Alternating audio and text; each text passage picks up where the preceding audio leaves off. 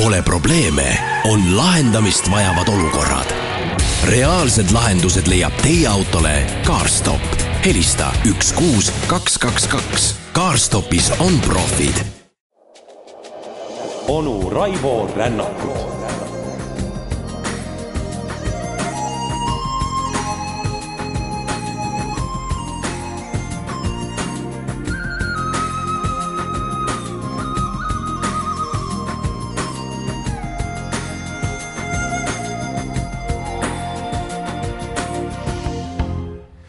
ja onu Raivo kevadises udus tervitab teid, kui kommenteerida seda, mis Kuku raadio aknast hetkel välja paistab.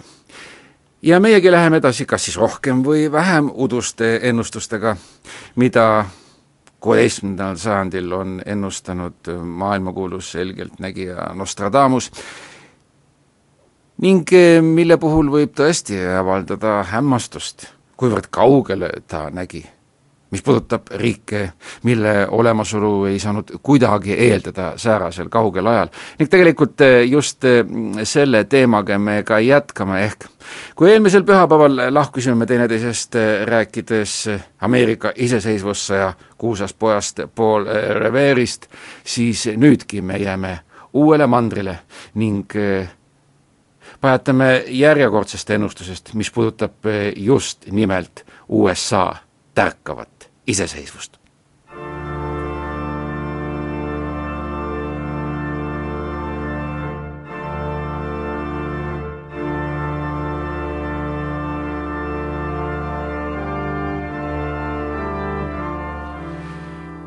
ja me läheme tema seitsmekümne kuuendat numbrit kandva Katrääni juurde, mis viibki meid aastasse tuhat seitsesada seitsekümmend kuus ja nelikvärss on järgmine. tema ristinimi Metsik näib olevat, ent nime ja saatuse kolm õde ette on määranud. suure rahva kannul usu ja keelega seotud, tema kuulsus ja au kõigist teistest tõusevad üle no mis puudutab suurest rahvast, kellega nii usu kui ka keelega seotud ollakse, siis selge see, et see viitab Suurbritanniale ja lõviosast sealt pärit Ameerika kolonistidele. mis aga puudutab eh, metsikut nime, siis eh, kuulub see Inglismaal Norfolkis, Thetfordis, vaeses perekonnas sündinud eh, Thomas Paine'ile.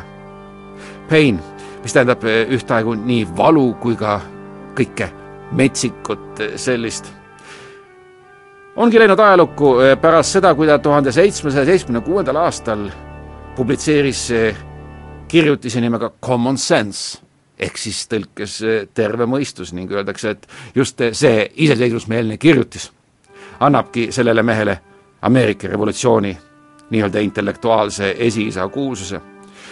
ning see oli tõesti hämmastav üllitis, sest et uskuge või mitte kuid tolleaegses väikeses koosluses, nagu seda Ameerika ühinenud kolooniad olid, müüdi esimese kuue kuu jooksul seda äh, brošüüri tervelt viissada tuhat. ning tähelepanuväärne on ta just seetõttu, et just selle alusel koostati ka Ameerika Ühendriikide maailmakuulus iseseisvusdeklaratsioon. ning öeldakse veel, et just see kirjutis õhutis, õhutaski Ameerika kolooniate pigem avalikku kui varjatud liikumist emamaast lõpliku lahkulöömise poole. ning tähelepanuväärne oli Toomas Paini, selle metsiku Toomase kirjutis just selle poolest, et see oli äärmiselt kompromissitu. Ehk see ei olnud nii-öelda teoreetiline elegantne kirjutis, mille sarnaselt tolleaegsed haritlased üllitasid, vaid see oli just nimelt lihtrahvale mõeldud, äärmiselt brutaalne, äärmiselt sirgjooneline, võiks öelda, et väga tänapäevalik, kõiki rohkem või vähem haritud masse kosivat eh, kirjutist, kus ta ei tseremoonitse, kus ta ei maini sõnagagi Inglise parlamenti, kuid eh, suunab oma rünnaku otse Suurbritannia kuninga George kolmanda vastu, nimetades eh, teda kuninglikuks türanniks. Ning erinevalt teistest Ameerika kirjanikest ei näita ta üles mitte mingit lojaalsust ei Suurbritannia ega ka Briti konstitutsiooni suunas, öeldes otse välja, see konstitutsioon on läbinisti mäda ning ütleb, et ainus tee on Ameerika kolooniate täielik iseseisvus. ning ta läheb veelgi kaugemale. ehk eh, ta ütleb, et eh, Inglismaad ei saa mitte kuidagi pidada nii-öelda emamaaks.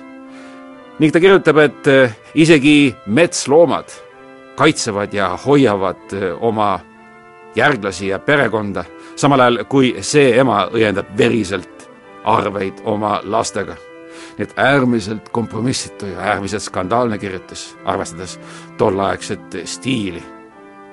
ning veel ütleb ta otse välja, et ainuke võimalus on luua kontinentaalne valitsus ja vabariik. kusjuures seda kritiseerisid mitte ainult britid, ka Ameerika oma intellektuaalid rohkem või vähem siis mõõdukad sellised, olid üpriski kriitilised sellesama metsiku Thomas Paine suhtes.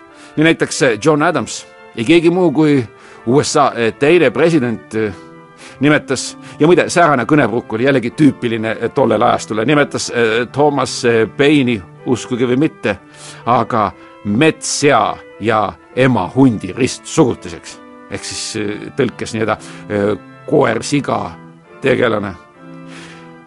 Ilmselt tajus ta konkurentsi ja võib-olla mitte oma stiilile vastavat lähenemist, kuid nagu juba öeldud, see oli meeletult populaarne ja ajalukku on Thomas Paine läinud kui omamoodi Ameerika iseseisvusdeklaratsiooni, kui nii võib öelda, siis esiisa.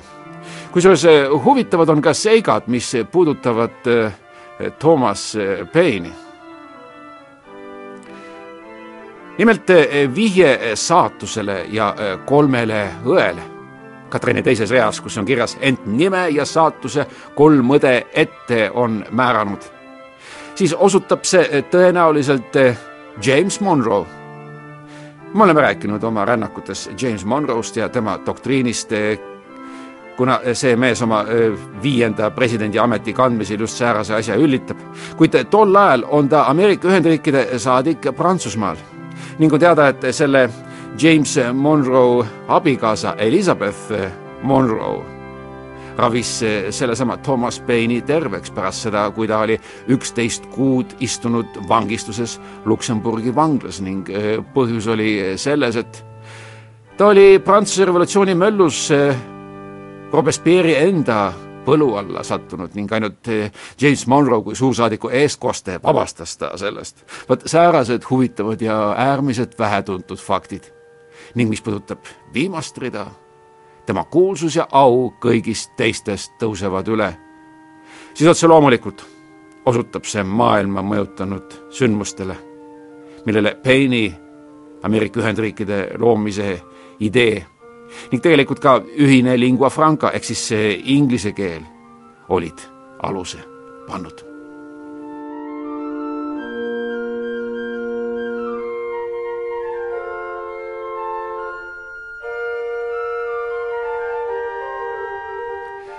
ning veel üks Katrin, mis jätab meid samasse ajastusse. kannab nimetust üheksakümmend kaheksa ning otse loomulikult viibki tuhande seitsmesaja üheksakümne kaheksandasse aastasse. pealik, kes viinud rahvast määratu hulga oma taevalt kaugele, veidrate keelte ja tavade juurde. viis tuhat Kreetal ja Thessaalias lõpu leiab. põgenev pealik peitu mere viljaaita poeb.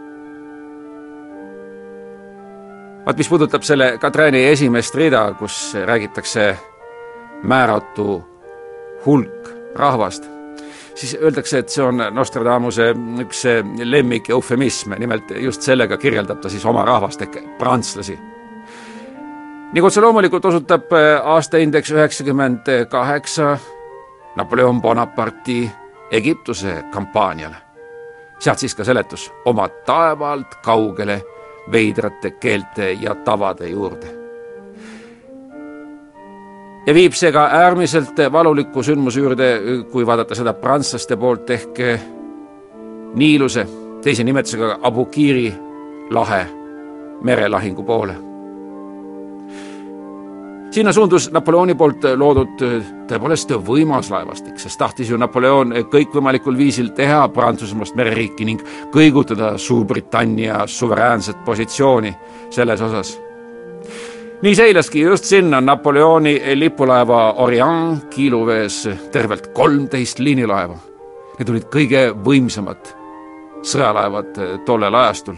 lisaks veel neli fregatti ja tervelt kakssada kaheksakümmend abilaeva. Kusjuures teel Egiptusse peatuti just nimelt Kreetal. seda valitses tol ajal Ali Pasha kes sõlmis Napoleoniga Campo Formio rahulepingu ning selle läbi sai ka tema liitlaseks. siit siis ka viide Kreetale ja Thessaaliale.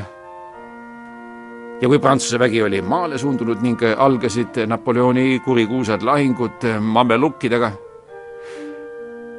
siis heitis tema laevastik ankrisse ning vaat see oli viga, sest et legendaarne Briti admiral Nelson kasutas selle ära ning haaras otsemaid initsiatiivi ning käskis alustada otsekohe rünnakut.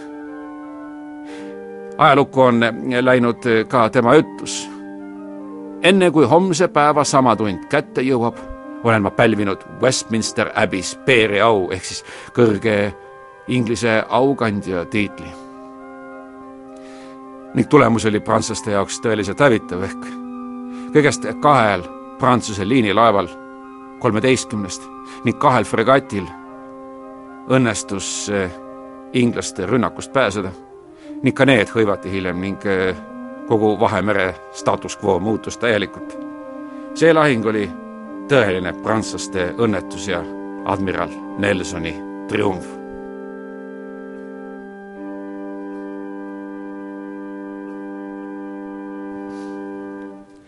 Ning ehkki selles lahingus sai Nelson oma järjekordse haava nimelt eh, juba tema varem parema silma seisukord eh, muutus veelgi halvemaks, kui üks mürsukillu tabamus eh, murdis tema sellesama parema silma kohalt lahti nahalapi, mis langes näole ja varjas ajutiselt kogu nägemise.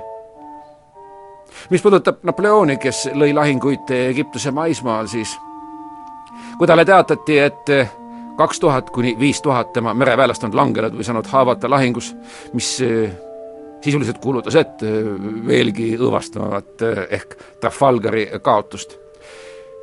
siis oli see ka ajendiks, miks Napoleon pöördub tagasi Prantsusmaale, jättes oma Egiptuse armee sisuliselt saatuse hooleks. Ning see mõjutas ka tema kõige tähtsama mereväe admirali ehk admiral de Villeneuve'i tulevikku kes muide juhatas Prantsuse jõude just nimelt selles samas tuhande kaheksasaja viienda aasta Trafalgari lahingus, kes ühena vähestest pääses lahingutaldrilt, kuid vangistati ikkagi seejärel Maltal. nii et veel üks äärmiselt kaugelenägelik ja täpne Nostradamuse katrään.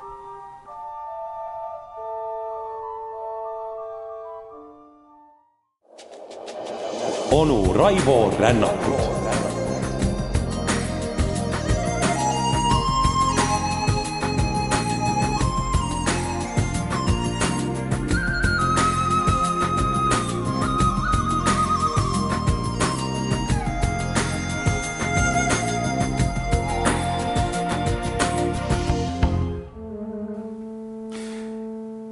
ja veel kord eh, räägime me Napoleon Bonaparte'ist, keda Nostradamus sisuliselt tituleerib kui antikristust. ilmselt sellest on ka tingitud, miks Nostradamuse ennustused käsitlevad nii tihti just nimelt Adolf Hitlerit ja Napoleon Bonaparte'i kui esimest ja teist antikristust, olgu etteruttavalt öeldud, et Nostradamus ennustab ka kolmanda tulekut, mis leiab aset meie ajal, kuid sellest juba hiljem lihtsalt tahtsin teid pisut hirmutada ja ärevile ajada, kuid igas ennustuses tõe tera, kas pole? kuid eh, järgmine Katrään numbri all viis viibki meid tuhande kaheksasaja viiendasse aastasse ja on järgmine. kolmas varvas esimese moodi, monarhil uuel, kes alamaist kõrgele tõusnud. türann hõivab Piisa ja Luka oma eelkäija vead ta parandab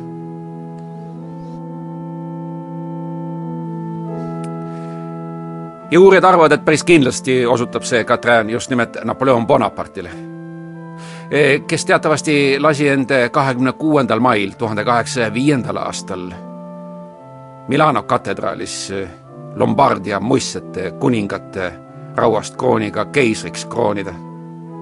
nagu teada on, toimub veel üks kroonimine, sedapuhku siis Notre Dame'i kirikus, see on see kuulus episood, kus ta haarab krooni otse paavstilt endalt ning asetab selle ise endale pähe. kuid see on siis üks säärastest, samuti sümboolse tähendusega sündmustest. ning Nostradamus kirjeldab Napoleoni väga täpselt, rõhutades just nimelt seda episoodi Katrääni teises reas. monarhil uuel, kes alamaist kõrgele tõusnud, sest oli ju tegemist äärmiselt marginaalse Korsika saare väikeaadlikuga, kes alustas ju kahurväe leitnandina nagu Nostradamus osutab täiesti õigesti nii türaniseeritud Itaaliale kui ka Veneetsia lausa tuhat aastat kestnud iseseisvuse ja vabariikluse hävitamisele. ning ka tuhande seitsmesaja üheksakümne seitsmenda aasta Campo Formio rahulepingule, millega just nimelt Itaalia nii Prantsusmaa kui Austria vahel ära jagati ning kui rääkida eh, türannidest ja eelkäijatest, eh, siis tõenäoliselt eh, oli just Rooma keiser Nero Nostradamuse meelest see Napoleoni türannist eelkäija. ning siit siis ka kommentaar oma eelkäija vead parandab, mida võib võtta hoopis vastupidiselt, sest filosoofiliselt rääkides ei saa ju üks türann parandada teise vigu kuna nad on sisuliselt ju mõlemad türannid. niisiis osutabki see paljude uurijate meelest lausa hiilgav ja daatumitäpne Katrin Itaaliale kui ühele Euroopa varbale, kui visata siis pilk kaardile. ning nõnda ta seostabki siis selle varba teiste valdajate ehk Nero ja Napoleoniga kogu sündmustikku. ning nagu öeldud, lisaks Napoleonile peab eh, Nostradamus ka Nerot veel üheks antikristuseks.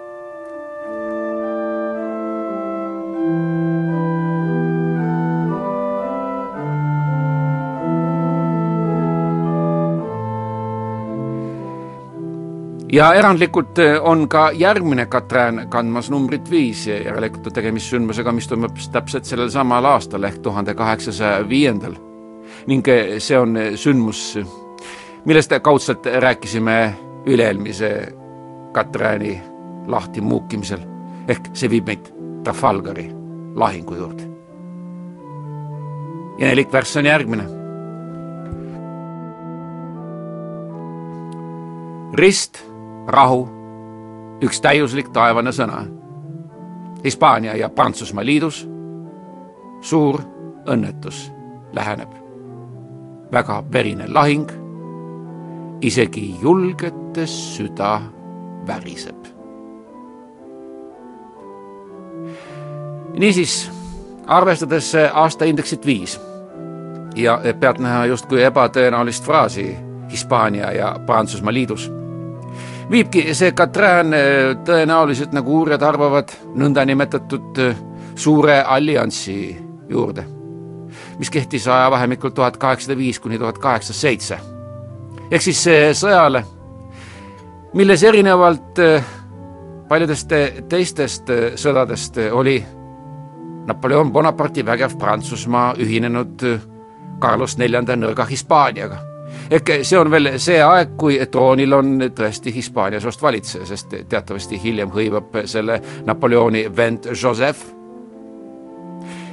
ning see liit oli loodud selleks, et otse loomulikult võidelda antipoodide ehk siis Inglismaa, Portugali, Venemaa ja Austria ehk nõndanimetatud kolmanda koalitsiooni vastu. ja nagu me kõik väga hästi teame, lõi mõra Napoleoni plaanidesse just nimelt kahekümne esimene oktoober tuhande kaheksasaja viiendal aastal, kui Inglise admiral Horatio Nelson Trafalgari lahingus lõi sedasama Prantsuse ja Hispaania ühendlaevastikku, sisuliselt äh, hävitades Prantsuse merejõud ning seda väga pikaks ajaks. paljude anglofiilide meelest igaveseks. ning huvitav on veel üks sõnade mäng, mis viib meid Katrääni neljanda rea juurde, mis prantsuse keeles kõlab Cursi ardine sera qui ne tremble ehk sõna ardi, inglise keeles siis hardy, võib käsitleda tähendust kui julge või siis ka kõva. ning siin on omamoodi huvitava sõnademänguga ning võib pead murda, kas tõesti Nostradamus ka säärast nüanssi läbi nägi.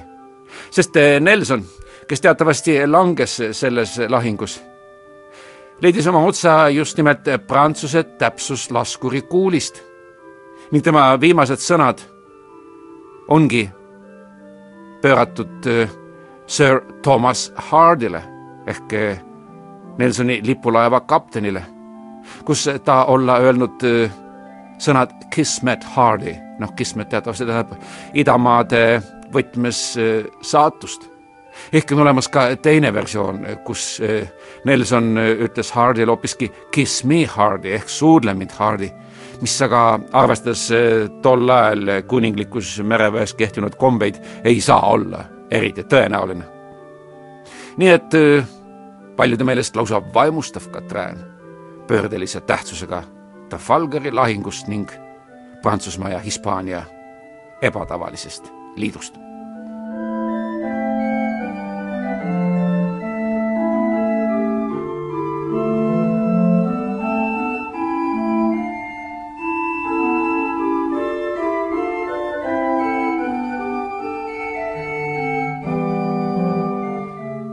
ning läheme nüüd Katrääni number neliteist juurde, mis viib meid aastasse tuhat kaheksasada neliteist ning räägib sündmustest, mille tulemusena kaotati Suurbritannias orjapidamine. ning sõnad ise on siis säärased. Nad tulevad ja valed paigad avavad. monumentide urnid lahti tehakse sekte, pühakuid, filosoofe sigineb. valgete, mustade, võrdsete, roheliste heaks. üpriski segane Katrin, ehkki justkui viimane neljas rida viitab siis otseselt mainitud sündmuste ahelale, ehkki küsimärki tekitab see viimane sõna ehk kes on need rohelised kui vaadata kõige esimest rida, mis kõlab prantsuse keeli fall exposé viendra topografii, siis just nimelt see fall on huvitav sõna, mis tähendab samaaegselt nii võltsi kui ka vikatit. samuti teises reas olevatest urnidest rääkides käsitleb neid sõna mis võib prantsuse keeles tähendada aga ka narre ning Nostradamus naudib just sääraseid ambivalentsusi ehk arvatakse, et Katrini võti peitub, nagu juba öeldud, siis neljandas reas, kus on ju otseselt kirjas nii valge kui ka must. ning arvestades aastaindeksit neliteist ning tema teist rida, kus räägitakse monumentide lahtitegemisest, siis võibki see Katrin osutada sellele, kuidas britid tuhande kaheksasaja kaheteistkümnendal aastal alanud sõjas ehk järjekordses sõjas, kus britid üritavad siis kätte maksta ameeriklastele nende poolt kätte võidetud iseseisvuse eest, tõepoolest purustasid nende uue pealinna Washingtoni, kus hävitati säärased ehitised nagu senat, kongressi raamatukogu, esindajate koda ja ka Ühendriikide riigikassa, kusjuures öeldakse, et see oli eriti brittide poolt tähtsustatud kui otseselt oli see inglaste kättemaksuaktsioon. nimelt, kui ameeriklased omakorda olid tuhande kaheksasaja kümnendate aastate alguses rüüstanud praeguse Ontario maakonna ja Toronto linna. kusjuures kirjeldatud rünnaku ajal elas Washingtonis kuus tuhat seitsesada valget ning tol ajal kõigest tuhat kolmsada musta, teatavasti praegu on pilt hoopis teine, ehk must elanikkond on vaata et kõige prevaleerivam just nimelt Washingtonis, mis on paljudele muide üllatus. kui rääkida Ameerika revolutsioonist, siis tuhande seitsmesaja seitsmekümne viienda aasta sündmuste ahela nii-öelda esimene lask, mille kohta öeldi ka, et lask, mida kuuldi kogu maailmas, tehti loomulikult Lexington Greenil, no sellestki me rääkisime seoses Paul Revere'iga ning eh, siit jõuame me siis ka selle mõistatusliku roheliste mainimise juurde.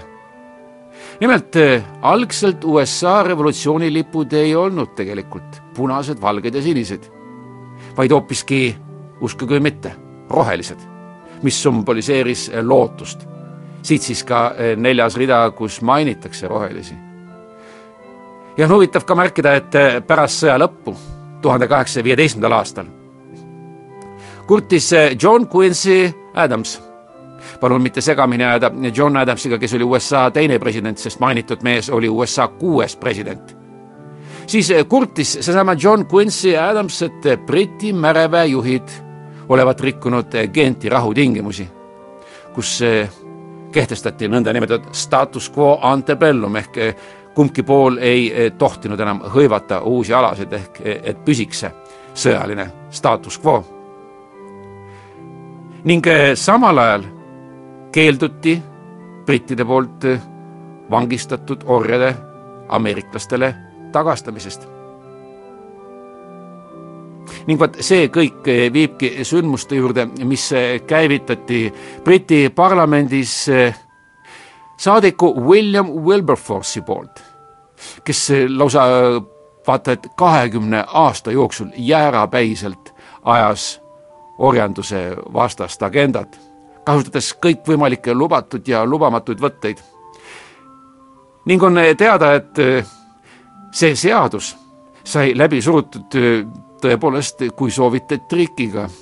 nimelt äh, olla see seadus siinkohal kas või siis kõrva taha panekuks praegustele seadusandjatele, anti lugeda kõige mõttetumale ja igavale saadikule mille peale vastasleer ei osanud eh, mitte midagi erilist ette näha. Ning kui siis ridade vahelt hakkas välja koruma, millega on tegemist, sest tegelikult käsitles seadus pigem aluste kaaperdamist ning alles vihjamisi tuli sealt välja tegelikult orjanduse vastane episood, siis selgus, et opositsiooniread on liialt hõredad. Ning kui siis hakati mööda Briti parlamenti neid opositsionääre taga ajama, siis selgus, et William Wilberforce oli võtmeisikutele pakkunud tasuta ooperipileteid. vaat säärane trekk Briti parlamendist, mis viis üpriski ülla tulemini ning ajalukku, kui soovite, on William Wilberforce ennast kirjutanud ka mitte ainult kui poliitiku, vaid ka kui heliloojale, sest uskuge või mitte, just nimelt tema sulest on pärit tänaseni populaarne laul nimega Amazing Grace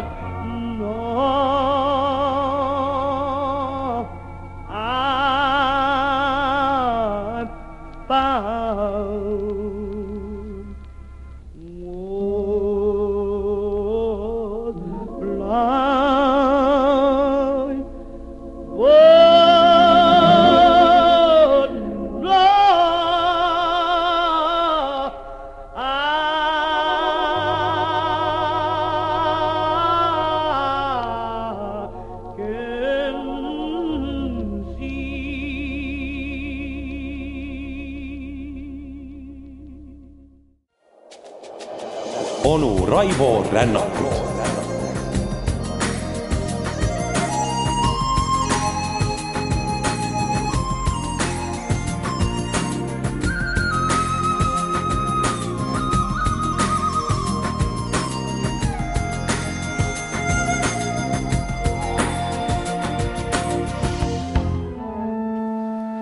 ja me jääme edasi. Üheksateistkümnenda sajandi algusesse ning käsitleme maailmanurka, mis ilmselt meile üpriski tundmatu ning seetõttu ka tõenäoliselt avastamisväärt on. ehk tema ehk Nostradamuse siis kahekümne esimese Katrääniga läheme me tuhande kaheksasaja kahekümne esimesse aastasse ning räägime säärase kauge maailmanurga kui Lõuna-Ameerika ajaloost, kus Nostradamus on pannud kirja järgmise nelikvärsi. Väga raskeks kujuneb muutus, provintsid ja linn kasu sellest saavad. aus, südamlik mees, arukalt kohalt tõusnud, põgeneb kavala sunnil. meri, maismaa ja rahvas, kõigi olukord muutub ja tõesti, tõesti, see Katrin viib meid Lõuna-Ameerikasse, sest et tuhande kaheksasaja kahekümne esimene aasta oli just nimelt sellele regioonile äärmiselt olulise tähtsusega. toimus palju muutusi ning enamasti paremuse poole.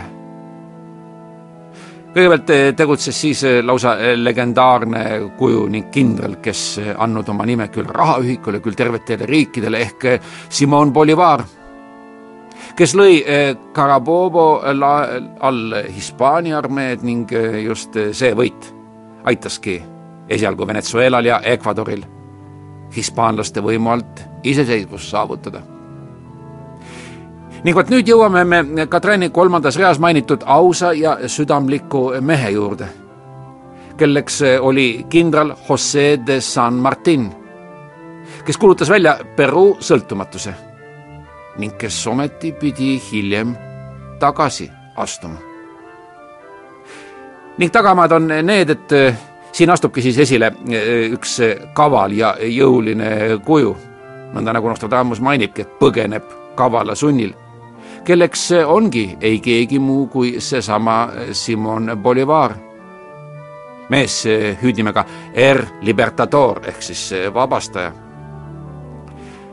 kes sisuliselt äh, võtab San Martinilt äh, võimu üle ning San Martin tõrjutakse tuhande kaheksasaja kahekümne neljandal aastal pagendusse. siis siis ka Katrääni read põgeneb sunnil. ning teada on, et San Martin elabki kogu ülejäänud elu kuni tuhande kaheksasaja viiekümnenda aastani Prantsusmaal Boulogne'is mitte ükski asi ei ole mustvalge, nagu me teame. see kehtib ka Bolivari puhul, keda kuni tänase päevani peetakse Lõuna-Ameerikas vaata et pühakuks. ning teisalt on huvitav see moment, et paljude meelest San Martin on veelgi kuulsam mees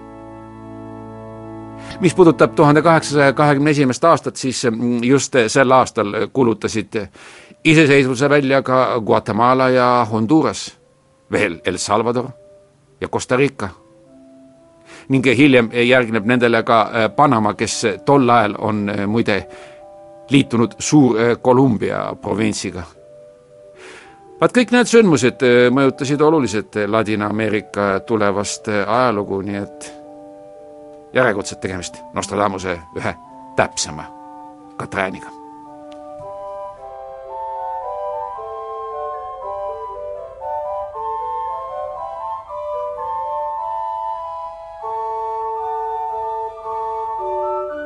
Ning nüüd teeme ühe väikese hüppe ning läheme Katrääniga number kaheksakümmend neli aastasse tuhat kaheksasada kaheksakümmend neli. osaliselt eh, läheb sündmustik edasi ka järgmisesse aastasse. ning eh, see käsitleb meest, kes tekitas tol ajal võitmatutele brittidele oma koloniaalvõimu ja armeedega lausa uskumatut peavalu ning selleks oli Sudaanist võrsunud liider nimega Mahti. Katrään ise aga kõlab nii. kuu sügavaist varjudest kaetud. vend, päike verekarva on värvit. pikka aega suurmees end varjudes peidab. Nende terast soojendab verine vihm ning tõesti, see verine vihm viitab ka verisele arvete õiendamisele, mis oli brittide jaoks üpriski tavatu. mis puudutab sedasama äh, Mahtit, siis äh, tema ja ta pühade sõdalaste äh, vägi püüdsid kaheteistkümnendast märtsist aastal tuhat kaheksasada kaheksakümmend neli kuni kahekümne kuuenda jaanuarini tuhande kaheksasaja kaheksakümne viiendal aastal hõivata tolleaegse regiooni pealinna Khartoumi. Mahti oli oma jüngrite silmis tõeline suurmees.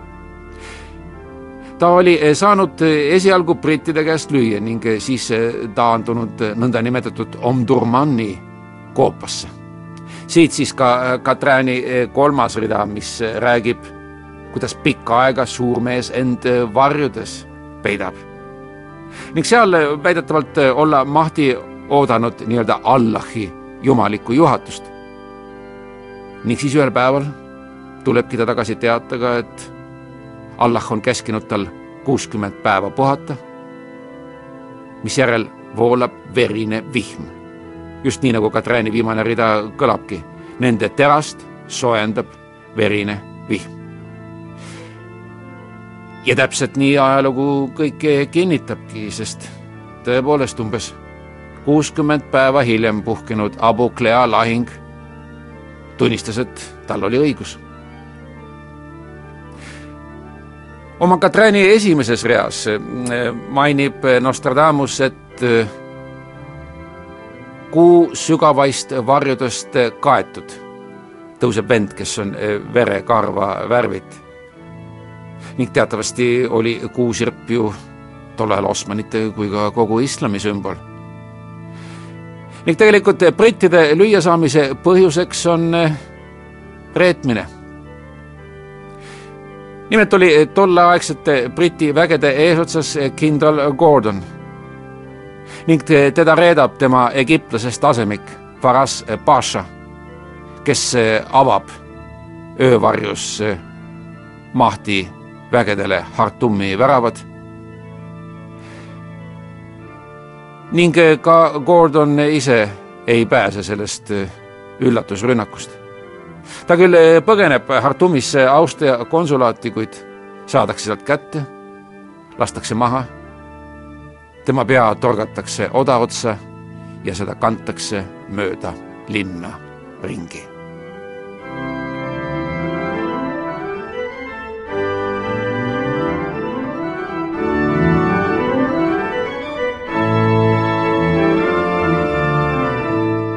ja tänase päeva eh, viimane Katrään käsitleb eh, sedasama sündmuste rida, ehkki on järjekorranumbriga kaheksakümmend viis ning viibki meid eh, tuhande kaheksasaja kaheksakümne viiendasse aastasse ning kirjeldus ise on siis säärane.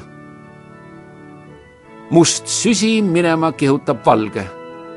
vang moonavankri kanda võtma peab. Mauri kaamel seisab väsinud jalgel.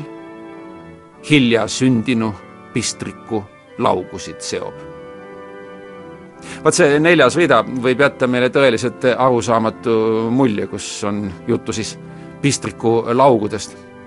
kusjuures see, viitab islami traditsioonile, kus uskuge või mitte, oli kombeks enne, kui pistrik oli jahikõlbuline, talle silmalaud nädalaks kinni õmblema. see väidetavalt õpetas lindu tõrkumata omaniku käest eh, liha vastu võtma. ning vot niisuguse idamaa pistikujahi spetsiifilise seiga mainimine süvendabki tekstis olevate sõnade nii maur kui ka must tähendust, kus on juttu siis mustast söest ja ka Mauri kaamelist.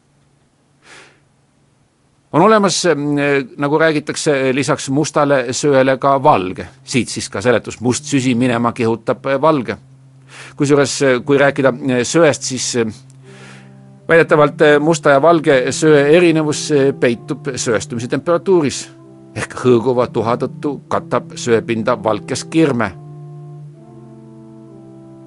siit siis ka viide justkui musta ja valge vahel, millel loomulikult ka rassistlik tähendus. ning aastaindeks kaheksakümmend viis juhatabki meid taas kord sellesama Khartoumi vallutamise juurde, kus Mahti vägedel õnnestus hõivata linn ja nagu juba öeldud, tappa Briti ekspeditsioonijõudude ülem kindral Gordon.